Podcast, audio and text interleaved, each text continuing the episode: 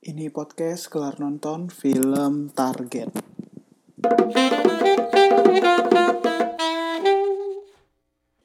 Oke, kali ini gue baru habis kelar nonton film Target. Eh, filmnya Raditya Dika. Eh, kenapa gue pengen nonton film ini? Sebenarnya kenapa ya? Gue juga bingung sih awalnya kenapa gue pengen nonton film ini. Mungkin karena udah lama aja nggak nonton film Indonesia tapi juga oh karena uh, menurut gue ngelihat trailernya ngelihat sinopsisnya uh, ya beda beda aja dengan film-film Indonesia yang ada gitu. Gue senang film-film Indonesia yang berbeda topiknya gitu. Nah ini film menceritakan tentang sembilan orang artis yang apa diundang untuk main film. Terus ternyata uh, filmnya ini apa kayak men, merekam real life-nya mereka yang sedang bertahan berjuang bertahan hidup lah mengikuti sebuah game gitu. Nama filmnya film Target. Uh, menurut gua uh, filmnya oh gini. Kalau misalnya lu pernah nonton filmnya Raditya Dika juga yang sebelumnya nama yang judulnya Hangout ya ini kira-kira sebenarnya filmnya sama gitu. Kayak ada 9 orang terkenal di Hangout kan juga sama ya 9 orang artis cuman bedanya Hangout itu dia juga diundang main film tapi di pulau terpencil gitu. Terus uh, terbunuh satu persatu gitu sampai uh, endingnya ada ternyata ada hal lah di balik itu. Nah sebenarnya film Target ini menurut gue juga menurut uh, sama gitu tentang pembunuhan pembunuhan bukan pembunuhan eh pembunuhan berantai yang dikemas kalau ini dikemasnya dalam game. Kalau hangout tidak dikemas dalam apa pun. Uh, nah kalau menurut gua sebenarnya plot ceritanya hampir sama gitu. Jadi kalau lo misalnya nonton film hangout lo inget-inget jalan ceritanya menurut gua sih lo bisa uh, cukup menebak gimana endingnya gitu. Uh, nah jadi menurut gue ya filmnya tidak terlalu memorable menurut gue uh, ya mohon maaf untuk para fansnya Raditya Dika. Gue nggak melihat hal yang sangat spesial dari film ini standar aja. Yang menurut gue oke okay, cuman bagian endingnya. Jadi menurut gue endingnya tuh ada plot twist yang oke okay, menurut gue uh, karena cukup nggak bisa ditebak. Gue pikir jadi jadi kira-kiranya di ending of the game apa game target ini sudah ada endingnya gitu ending targetnya. Nah ternyata yang gue bikin kaget adalah endingnya bukan itu gitu. Ada lagi belakangnya yang menurut gue pemilihan plot twist yang menarik gitu. Tapi sayangnya twist ini gue rasa nggak dikemas apa ya kayak hiding apa fakta-fakta tersembunyi untuk me menuju ke endingnya ini tidak kelihatan bukan tidak kelihatan ya tapi kayak uh, terlalu dibuat-buat aja gitu.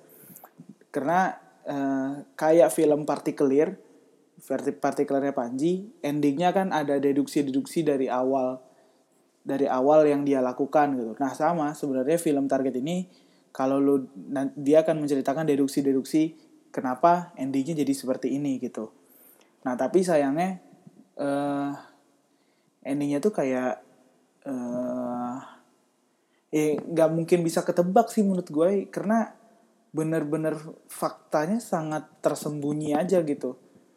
Uh, mungkin itu yang membuat endingnya menjadi menarik karena ya nggak ketebak karena nggak akan bisa ketebak menurut gue sih. Gitu. Cuman lu akan mulai curiga-curiga ketika sudah selesai game targetnya lu akan curiga endingnya oh ada apa lagi nih. Dan lu akan bisa curiga dan gue sih kecurigaan gue terbukti bahwa di endingnya ada lagi. Cuman memang ngelihat deduksinya kayak gue beda dengan gue nonton film apa ya yang lain gitu.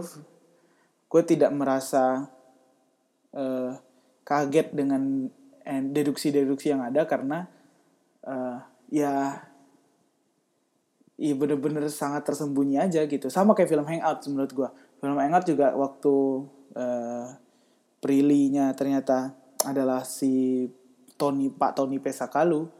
Menurut gue itu ada sebenarnya ada Tony Pesakalu itu udah keli udah bukan udah kelihatan ya cuman maksudnya deduksinya dari situ bisa dilihat sebenarnya. Nah dari Tony Pesakalunya bisa menuju kenapa si Prilly yang jadi pembunuhnya itu nah bagian seperti itu yang sangat sangat tersembunyi yang juga diterapkan di film Target. Uh, ribet ya intinya endingnya sebenarnya oke okay, cuman uh, terlalu tersembunyi aja gitu. Deduksinya jadi berasa uh, dibuat-buat. Nah uh, apalagi ya nah menurut gue beberapa yang oke okay lagi adalah Cinta Laura. Cinta Laura ber berperan sebagai ya Cinta Laura di sini dan uh, menurut gue sih dia keren banget ya. Uh, dia sekarang kan kalibernya udah kaliber Hollywood ya. Dia udah beberapa main beberapa film Hollywood.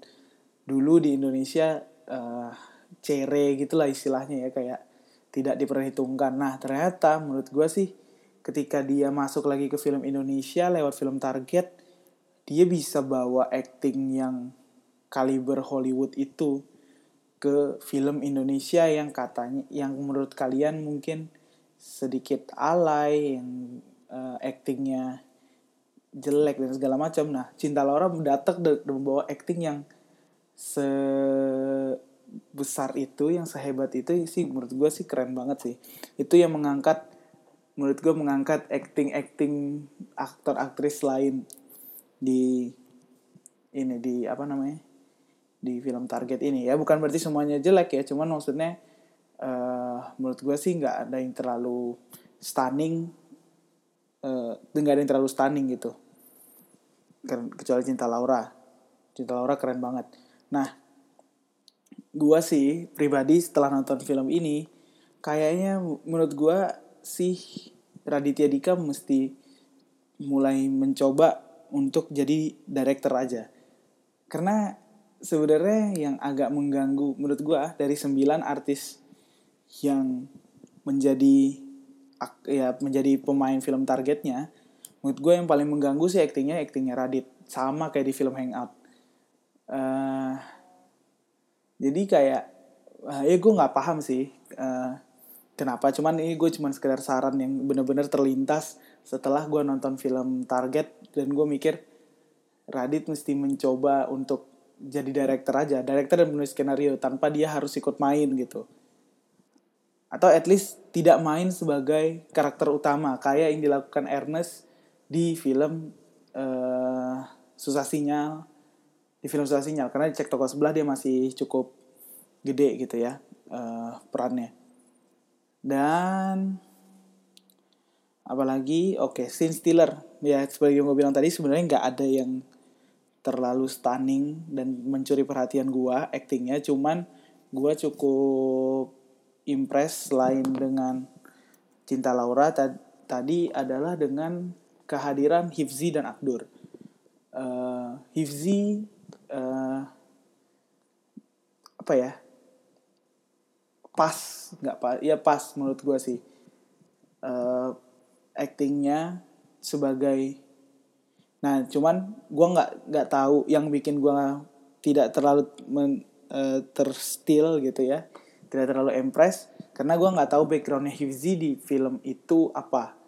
Karena kalau yang lain kayak Samuel Rizal dijelaskan dia aktor emang artis terus Cinta Laura memang dari Hollywood dan segala macam. Hifzi kayaknya nggak dijelaskan gitu. Apakah dia berperan di sana sebagai uh, stand up comedian atau artis atau youtuber atau segala macam?